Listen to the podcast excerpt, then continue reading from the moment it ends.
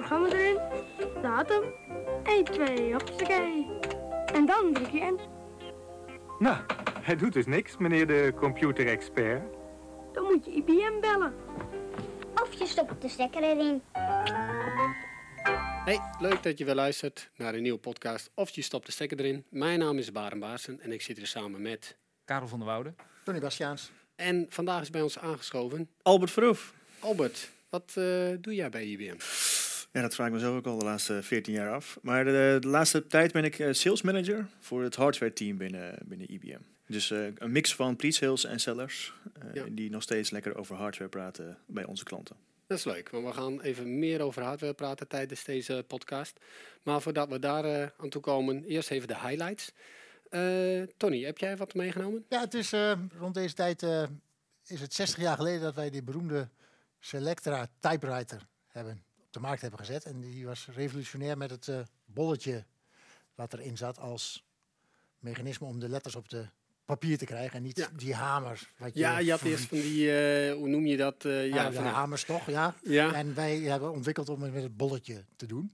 Eh, en het was natuurlijk heel makkelijk, want je kon heel makkelijk de lettertypes veranderen door een ander bolletje op te zetten. Dus eh, ja. En in die tijd dat ik vroeger, jaren geleden begon bij IBM, toen hadden we nog uh, techneuten zitten. Ik heb nog met het bolletje gewerkt. Als je dat nu tegenwoordig op Schiphol zet, eh, krijg je heel andere re- resultaten. Maar Ja, dat geloof ik best, ja. Ja, want dit is echt al eh, heel lang geleden. Hoe lang Ja, geleden zei je? z- 60 jaar. 60 jaar. En het is een stukje hardware, dus dus gelijk Een weer de link met. Dus Ja. Ja. Nee, dat is echt een, eh, want je had echt eh, ook verschillende lettertypes, had je, Ja, toch? ja, klopt. En eh bold en... eh, Prestige, elite en, en Ja. dus eh, dat soort dingen. En, en op een gegeven moment konden we ook, hebben we het ook aangepast dat we ook van rechts naar links konden. Dus voor de Arabische wereld. En, eh, dus konden En verkocht je nou Typex erbij of kreeg je dat erbij? Of was dat Typex verkopen en gratis typemachine? Of hoe werkt dat? Ja, dat uh, Typex was niet van ons, Oh, dus dat weet ik niet. ja, je had Nee, maar toch speciale Je maakt toch geen fouten met typen, of wel? Je hebt toch types? Ja, oké, dat, dat, dat, ik- dat vind ik wel een leuke discussie, want dat is een heel groot verschil. Vroeger dacht je echt na als je een brief schreef. En tegenwoordig rammen ze iedereen maar een mail eruit en dan eh, Ja. het wordt net geen sms, zeg maar. Dat is wel een beetje de... Ja, en, en, en ja, wie, wie leert er nou nog typen? Dat is ook voor steeds minder volgens mij. Ja, op school hadden we vroeger, tenminste dat Ja, wij ja, op school vroeger zaten, op- hadden we ja, een, we hadden- een ja. blind type cursus. Ja, Maar dat is tegenwoordig volgens mij niet meer. ja dat weet, ik weet het niet of dat Ik nog... eh, niet, mijn, mijn eh, eigen kids die swipen, hè, die gebruiken niet eens meer een keyboard. Het is gewoon dat swipen op je telefoon, Ja. dat je een letter, eh, letter selecteert en dan komt er een woord uit. Dat is toch het nieuwe type. Ja, of zo, en hè? wie typt er nou nog? Ik zit daar Nee. af en toe te praten tegen Alexa en zeggen. de computer. Dus het, Ja. Eh, we Het zijn- wel de eerste elektrische, of meer elektrische typemachines. Hè. Dus er begon op een gegeven moment kwam er ook memory in. Dus je kon je eerste fouten gaan maken, zeg maar, en toch weer terug, eh Hm. terugspoelen. Dus dat, eh, Nou, in ieder geval een, eh, een, een gigantische grote uitvinding van de IBM. Ja. Maar, eh, wat alweer eh, 60 jaar geleden is. eh. Maar we gaan door. Eh, Karel, heb je ook eh, nog iets meegenomen? eh, ja, iets meegenomen, maar eh, nee, ik heb mijn telefoon meegenomen, jullie meegenomen. Ehm, nee, als announcement, of in het announcement plaatje, eh, een stukje flexibiliteit. Als we het over stories hebben, als we het over hardware hebben, over hoe IBM eh, naar de markt toe gaat, de businessmodellen die er zijn. En eigenlijk dat je eh, IBM Storage kan afnemen als een tier. Dus je kijkt niet meer van ik wil precies die machine hebben en ik wil hier wat eh, mee gaan doen. Nee, je kiest gewoon een tier. Je kiest de capaciteit uit wat je nodig kan eh, wat je wil hebben, zeg maar. Je krijgt dat geplaatst. Je krijgt eh, ja, 50% extra eh, neergezet, zeg maar. En daar vandaan groeien eigenlijk gewoon. Dus Ja. een hele andere manier. Het is wel mooi om- zoals jij toch nog steeds techneut bent en begint over tieren. En dan denk ik, wat heb je over tier? Wat is een tier? Ah, wat is een tier? ja, dat weet ik zelf eigenlijk ook niet. Moet ik toch eens opzoeken. Nee, een tier is eigenlijk gewoon een, eh, ja, eh, hoe zeg je dat? Een hoeveelheid storage die een bepaalde hoeveelheid IOPS of een bepaalde hoeveelheid eh, megabyte per seconde eh, aan kan, zeg maar. En dat is eigenlijk de vraag die je dan eh, die je stelt aan IBM. Ik wil gewoon zoveel IOPS per, of ik wil zoveel MB per seconde hebben. Eh, waar hebben jullie daarvoor? En daar vandaan ga je groeien. Dus je klassificeert je, je data, wat ik veel gebruik moet sneller. En wat ik niet vaak gebruik, dat kan langzamer. En zo doe je dat in, in tiering, moet ik dat zo Dat zien? zou je op die manier kunnen zien. Eh, dat is een bepaalde manier van tiering waarin je dingen onderverdeelt. Dit is meer van je schaft een tier aan, zeg maar. Dus je schaft gewoon aan, ik heb zoveel IOPS nodig of ik heb zoveel MB per seconde nodig.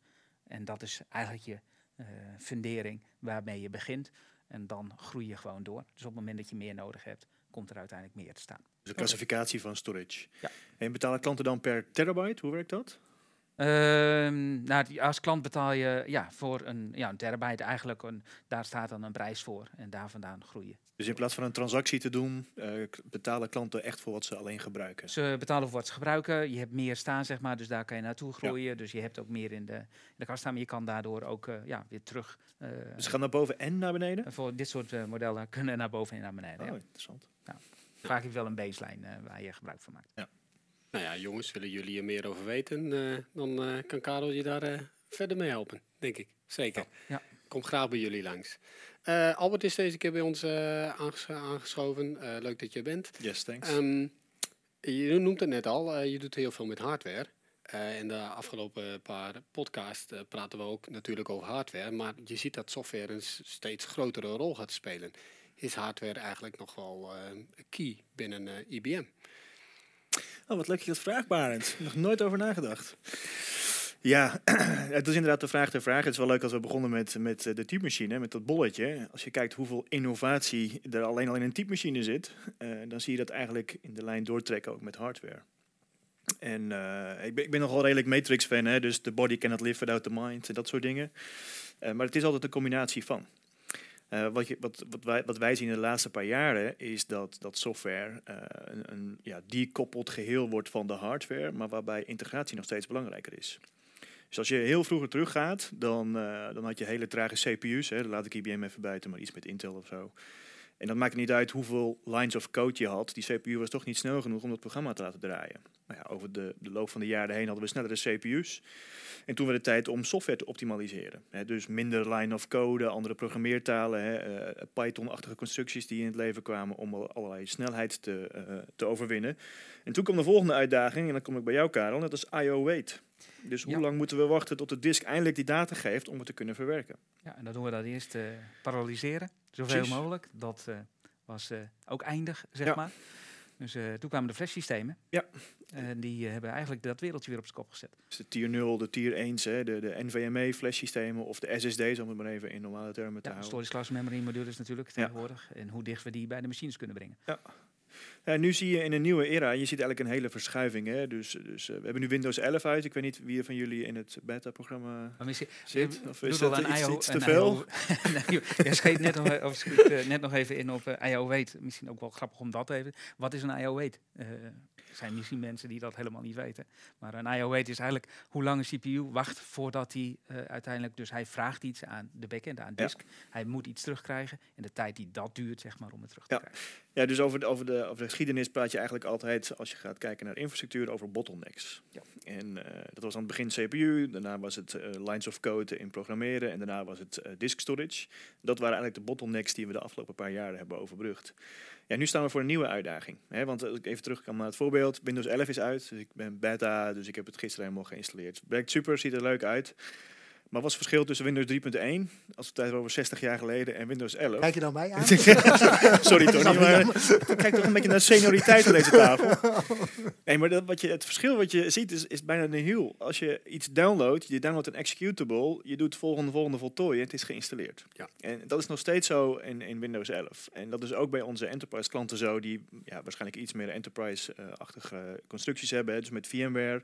Daarachter draait nog steeds een Microsoft cluster als het gaat over een ASP.NET workload. Dus die, die, die constructie is nog steeds hetzelfde. En wat je ziet, en volgens mij hebben jullie de vorige spreker eh, ook wel echt een, eh, een Docker Kubernetes eh, specialist hier gehad. Ja, Mark Roos. Het is een hele andere wereld. Dat is niet meer, je downloadt een executable, nee, je downloadt een container image en die deploy je ergens. Ja. En als je dan gaat kijken naar de bottlenecks, waar staat de applicatie versus waar staat de data? Krijg je opnieuw IO waits. Als je data lokaal staat en je downloadt die of je deployt die, die mooie AI-container ergens op een platform in de cloud. Ja, daar komt eigenlijk het hele, eh, wat we ooit in de traditionele omgeving hebben gedaan, het hele fit for purpose, zeg maar. Ja. Ervoor zorgen dat je de applicatie in je storage, in je netwerk zo hebt neergezet dat je daar je optimalisatieslag uit haalt. Ja, gooi je dat nu weer helemaal overhoop door eh, het helemaal uit elkaar te gaan trekken. Ja. Heeft voordelen, maar heeft ook nadelen. Ja, precies. Dus in het kader van wat is de hardware nog relevant? Nou, de, de eerste is de integratie daarbij nog steeds belangrijk. Eh, wij denken niet dat er een, een, een lift-and-shift gaat plaatsvinden. Hè. Wij bij IBM gebruiken altijd same time om met elkaar te chatten. Dat is omgeswitcht naar Slack in één keer. Dat was een, een, een koude start hè, of een cold, eh, cold eh, cutover. Dat gaan onze klanten niet kunnen. Die hebben een legacy applicatie die al jaren draait. Die kunnen ze niet in één keer stopzetten, wat nieuws verzinnen en daarmee verder draaien. En vanuit hardware gezien gaat die transitie ongeveer 10 jaar duren. Voordat we van, van on-prem naar hybrid naar een fully cloud omgeving gaan. Als dat al fully cloud gaat worden, hè? dus dat is... Nou ja, ik denk dat het na alle tijden een hybride zal gaan blijven. En ik gebruik altijd als voorbeeld eh, de banken. Hè, die, die hebben een, de meeste banken die hebben een hele grote mainframe staan. Met een eh, hele mooie storage DS8000 op eh, tier 0 eh, flash systemen erachter. Die eigenlijk onze ledgers bijhoudt. Hè. Hoeveel hypotheek heeft, heeft Karel, eh, hoeveel hypotheek heeft Tony. En dat wordt allemaal bijgehouden. Dus dat moet super secure, dat moet 9 9's uptime hebben. En toen kwam Tiki. Hè, dus wij gaan straks gaan wij patatje eten waarschijnlijk hier, eh, hier na deze Ja, podcast. graag. Ja. Eh, en dan ga ik toch vragen of, eh of Barend mij een, eh, een tikkie wil sturen, omdat ik er even voor betaal. Eh, maar dat, dat tikkie, heb jij ook zo'n leuke gif, dat als je betaalt, dan zie je thumbs up hè, en Barend aan het lachen, dat soort dingen. Maar dat gifje is gewoon een Apache containertje die ergens in de cloud draait. En des te meer mensen dat gifje opvragen, des te meer containers er eh, online komen. Er zit waarschijnlijk een CDN-netwerkje achter, wat ook weer in een, in een, in een Docker-container draait. Maar onder water moet er nog steeds een ledger-update plaatsvinden. 10 euro van Barend naar 10, eu- 10 euro Albert. Dus die rekening-updates moeten, moeten gedaan Heel veel worden. betaald. Ja, tien- tientje voor patat? Ja, Nee. Speciaal. Ja. Eh, dus, dus, dus, maar die hybride, die hybride wereld, die, die blijft gewoon bestaan. En dat wordt waarschijnlijk ook de nieuwe standaard. En dan moet je nog steeds heel goed nadenken over hoe je je hardware integreert in die cloud stack. Ja, daar komt dus wel veel bij kijken. Ja, ja integratie en, en eh, compatibiliteit. Dat is dan weer zo'n leuk woord wat je heel vaak hoort. Dat wordt steeds belangrijker. Hè? En dan, dan de compute is eh, zo goed als commodity geworden. Maar als je dan gaat kijken naar workloads, dan zie je dat onze powersystemen toch specifieke, als we dan teruggaan naar de fit for purpose, altijd iets beter draaien. Als je gaat kijken naar AI bijvoorbeeld, ja, dan ga je toch kijken naar hoe optimaal je processor daarmee omgaat. En wil je geen 50 servers eh, online moeten spinnen eh, met een prijs eh, per cycle per maand versus één of twee powersystemen die dezelfde workload aan kunnen. Nou, datzelfde geldt met storage. Hè. Als je niet alleen lokaal kan praten, maar je kan je data sharen over meerdere clouds heen, dus de multi-hybrid cloud eh, verhaal. Ja, daarvoor hebben we een SVC-platform in het leven geroepen, hè, die dat onafhankelijk van wat voor storage er ook onder staat, alsnog kan praten met zowel een HP-omgeving versus een VMware-omgeving versus een Azure. Ja, Ja. als zijn ook Azure Storage of wat dan ook. Ja. Ja. Iets meer informatie over SVC, eh Karel? Meer informatie over SVC? Ja, ik denk niet dat, moet ik ik zeggen, denk, ik niet de dat alle klanten, of in ieder geval alle luisteraars weten wat een SVC is. Een SVC is eh, de, de volledige naam, zeg maar, is eh, Sun Volume Controller. Eh, oorspronkelijk ontwikkeld om virtualisatie te doen in eh, de storage netwerkomgevingen. Eh, Albert gaf net al aan. niet alleen onze eigen storage systemen virtualiseren we, maar ook die van andere leveranciers, zoals HP, EMC, Hitachi. Als, je kan ze eigenlijk niet gek opnoemen. Er zijn honderden die we daarmee doen. Maar we plaatsen dit ook als een eh softwarelaag in cloud-omgevingen. En eh, virtualiseren daar cloud storage, zeg maar. En dan kun je eh, eigenlijk de verbinding leggen eh, van een blok-device in cloud naar een blok-device die je on-premises hebt. En je data eigenlijk daartussen op een hele eenvoudige manier uitwisselen. En dat is eigenlijk de, de ik, tenminste, ik denk dat dat de moeilijkste stap is voor eh, een hybride omgeving. Ja, niet de moeilijkste, het is de eerste stap. Dus als, als, als je een unit to the cloud kan omschrijven in drie stappen, waarbij uiteindelijk de definitie een, een volledige hybride cloud-omgeving is, dan is stap 2 eigenlijk het standaardiseren van de omgeving. Dus het bouwen van je app store, eh, waar je kant-en-klare applicaties uit kan deployen, zoals wij dat op onze telefoon doen, naar een infrastructuur van de klant, met alle, alle, alle voor- en nadelen daarvan. En dan is stap 1 eigenlijk is de standaardisatie en virtualisatie van de omgeving. Dat zie je in compute is al 99% gevirtualiseerd. Hè, of het nou VMware is, KVM of, of Hyper-V. Dat maakt niet uit. Je kan die, die, die, die, die virtualisatie eh, eh, OS gewoon poorten, deployen op een cloud, maakt niet uit. Maar storage is nog steeds een, een, een fiber channel of een iSCSI adapter die moet praten met een omgeving. Als je dat niet virtualiseert, dan kan je nooit die stap 2 of stap 3 maken. Ja. En dat is waar eh, met alle afkortingen dan bij IBM SVC zeg maar een, een uitkomst is. Eh, Stap 1, virtualiseren van die storage-omgeving, zodat je stap 2 en 3 kan maken. En stap 2 beschreef je al. En wat is stap 3 dan in jouw uh, optiek? Eh, dat is Zion. Dus waar we allemaal bij elkaar. Ja, We Ja, zitten dat, dat, dat, dat, ligt een, dat ligt een beetje aan, aan de, de, de, de klant zelf. Hè. Eh, als je gaat kijken naar, naar een bankomgeving, die zal nooit al zijn data in een public cloud zetten. Nee. Die wil daar een, een garantie op hebben, een, een, een security, een, een high available, vaak een drie-site constructie. Voor hem is stap drie uiteindelijk dat die drie-site constructie online is. En dat allerlei randapplicaties daar op een veilige manier bij kunnen komen. Maar als ik ga kijken naar een, een booking agency bijvoorbeeld, eh, die moet eigenlijk zoveel mogelijk bandbreedte hebben, want dat wordt het volgende probleem in cloud. Hè. Hoeveel bandbreedte heb ik om naar buiten te gaan? Dus die zal zo dicht mogelijk bij grote datacentrums aan willen snurken tegen een, een, een, een tier 1 lijn om zoveel mogelijk bandbreedte te krijgen. Uh, ja, dus, dus dat ligt een beetje aan, uh, aan welke klant waar je mee praat, hoe of wat. Uh, als ik ga kijken naar hele simpele voorbeelden, zijn, er zijn de laatste tijd heel veel IoT-devices die, die opkomen. Die data moet ook allemaal geprocessed en verwerkt worden. Wat je ziet is dat, dat bandbreedte gewoon de volgende bottleneck, bottleneck, is. Ja. Of gaat worden verwachten ja, in, in de hybride of in de cloud-omgeving. Dus het ligt een beetje aan per, per type klant waar je mee praat. Ja. Het is wel leuk dat ik al twee weken geleden een, een interview met een business partner van IBM. Die draait nog steeds een, een legacy SAP-omgeving. Uh, en wat je ziet bij SAP, en volgens mij ging daar het vorige gesprek ook al een beetje over. Klopt. Is dat SAP nog steeds traditioneel aan het ontwikkelen is. Hè. Dus ze hebben een HCL, een Hardware Compatibility lijst. En die servers garanderen wij die performance met die workload. Ja, maar dat is in, dat legde uh, Dirk Jan uh, al eerder uit, van dat is voor SAP enorm van belang, Ja, zeg maar. ja. Omdat die latency daar zo laag mogelijk moet zijn, om het aantal transacties zo hoog mogelijk moet Ja. zijn, zeg maar, in de extra stand data. Dus dan wil je, eh, Essentieel als je gaat kijken naar die drie uitdagingen die we hadden, wil je dat allemaal zo dicht mogelijk bij elkaar hebben. Ja. Maar wat je wel ziet is dat SAP, en, en zo zijn 90 plus andere software vendoren, toch al bezig om hun nieuwe applicaties te deployen in containers. Hè, dus dan is die hybride wereld is nog steeds, dan wordt dan heel erg belangrijk. Ja, en, daarvoor heb je niet alleen een, een HCL nodig, maar ook een storage adapter die op alle manieren integreert. In of dat nou on-prem is, cloud, een lokale SAP met een 0,0x milliseconden latency.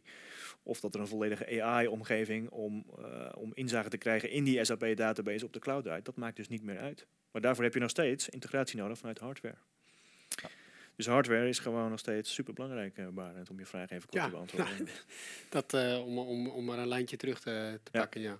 Ja, zeker. Nou, en als we dan over die 60 jaar hebben, als ik ga kijken, als ik toch even mag door gaan praten over Tuurlijk. hardware, sorry dat ik de tijd daarvoor opneem. Maar eh, vanuit storage eh, zie je dat IBM echt ja, da- daar toch wel op voorloopt. Eh, wij zijn niet heel goed in marketing. Hè. Wij hebben een hele grote research-omgeving. Dat staat helemaal los van onze sales-omgeving. En daar worden ook echt alle, alle nieuwe dingen ontwikkeld. Als je dan gaat kijken naar de, eh, die satelliet die we ooit eh 40, 50 jaar geleden in de ruimte hebben geschoten om foto's te nemen van eh, Saturn, dat draaide gewoon IBM-tape in. Het IBM-tapeje, die heeft tot voor kort gewoon data teruggestuurd naar, naar de aarde met ja, de mooiste foto's die we ooit gekregen hebben vanuit het heelal. Nou, en, en dat staat toch wel een beetje in teken van eh, hoeveel innovatie doen wij op onze hardware. Want in de, de most known harsh condition known to mankind draaide IBM storage gewoon nog steeds in, in de ruimte met data terugsturen.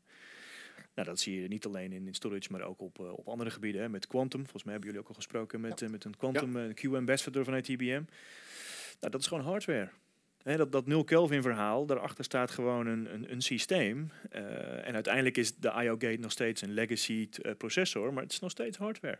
Ja, wel leuk om daar nog heel even op in te gaan, want je had net ruimte natuurlijk. Dus eh, als je quantum teruggaat, quantum is kouder dan in de ruimte, heeft hij toen uitgelegd. Ja. Dus eh, wat dat nodig heeft. Een 0 Kelvin, ja. Ja, en ook Kelvin echt in de ruimte haalt dat net niet. Ja, dus eh, en, en, en dan de patenten van Dan, IBM. dan toch weer over de, de link naar, naar power en, en de ruimtevaart. En dan op die Marslanders. En die, die, daar zitten gewoon powerchips in. Om, omdat die wel vo- voldoen en kunnen presteren onder die zware omstandigheden. Dus Ja. ja, Ja. dan hebben we het... Maar het cirkeltje wel rond. Ja, wat, ik wel heel leuk vond om daar even over door te gaan, er zit helemaal totaal niet zoveel RAM hè, in die, in die Nee. Mars rovers. Dat was maar 16 MB of zo? Twee keer acht, hoor. Twee keer 8? Ja, Ik 16 denk toch? van joh, dat is toch een... Twee keer eh, 16. Nee, twee keer acht volgens Twee keer mij. acht. Graag. En er was elkaars backup ook nog. Ja. Ja, dat is wel lachen. Ja, dat Ja, is wel, kun je wel IBM, goed, eh, co- Als je goed coderen. Ja, ja, precies. Goede optimale lijn of code schrijven. Ja. Ja, ja. Nou, als we kijken naar de ruimte, ik bedoel, eh, een tijdje geleden in, eh, in Amerika geweest naar die launch site waar ooit mensen op de maan eh, eh, is gezet. En er staan alleen maar IBM-machines met IBM eh, t-shirtjes van IBM'ers die daar hebben meegeholpen. En in, die, eh, in dat sy- systeem zat 4 KB RAM. Dat is ook niet heel veel, hè? Nee. Dus dan is het statement eigenlijk dat IBM heeft de mensheid op de maan gezet met ma- maar 4 KB RAM. Dan heb ik thuis 32 Begon op de eh, achterkant Ja. van een bierveeltje, hebben ze wel gezegd. hè? Dat waren de eerste berekeningen. Ja. En dan zit ik aan het denken, en straks, eh, want ze willen toch nog een keer graag naar de maan. Ze willen het weer voor twee. Hoeveel eh, KB ze dan nodig hebben? Ja, ik verwacht dat er wat GoPro'tjes gemount gaan worden die iets meer nodig hebben dan 4K eh, RAM. Ja, dat denk ik zeker. Zeker. Nee, 4K images en de livestreams en dat soort dingen. Daar Ja. heb je wel iets meer van. Oh ja, dat wordt wel leuk, denk ik.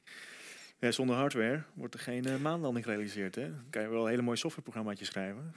Kom je er niet? Trajector- traje- trajectories uitrekenen. Maar ja, Ja. er zal toch een, eh, een vorm van compute aan boord moeten zijn. Alle Ja. software die je schrijft moet ergens op landen. Of Ja. nou de cloud is die je privé draait, of de, je eigen cloud is, of je eigen hardware is, of iemand andermans Ja. hardware is. Het blijkt dus wel dat, dat de hardware de, de foundation blijft voor eigenlijk alle nieuwe ontwikkelingen. Is zeker het geval, ja. Het is een enabler, hè? Ja. Eh, Het leuke is als je alleen al kijkt naar, eh, toch maar even voor- terug te komen op het voorbeeld van Windows 11. Bij Windows 11 heb je een, een hardware key nodig. En, en geen software hardware key. Ze, de, Microsoft detecteert mandatory een hardware key op een moederbord. Ja, dus TSS is de afkorting die je dan gebruikt voor, voor ASUS. Maar als je die, dat hardware niet hebt, kan je niet die nieuwe software deployen. Eh, want dan werkt gewoon Windows 11 helemaal niet. krijg je gewoon allemaal errors. Dus ja, hardware is nog steeds belangrijk. Een enabler om de software eh laten draaien. Ja, dat geldt voor alle lagen. Dat geldt ook voor als je naar security kijkt, zeg maar. Hardware is ook een enabler om security goed te kunnen doen. Vooral als je in real-time eh, security threats probeert te gaan eh, filtreren, zeg maar. De hoeveelheid data die je voor je kiezen krijgt. De hoeveelheid data die je moet processen en toch de juiste informatie uithalen. Ja. Ja, dat kan. Software heb je nodig, maar ja, hardware draait het uiteindelijk. Nou, vind ik een mooie afsluiter. Heb ik nog één vraag voor je? Eh, wordt het eh Blue Pill of de Red Pill? Hij is still in Wonderland and I'll show you how deep the rabbit hole goes. Oké, nou dan sluiten we daar weer af. Trek ik hierbij de, de stekker er weer uit en tot, de tot de volgende keer. Tot de volgende keer. Dank jullie wel. Tot de volgende keer.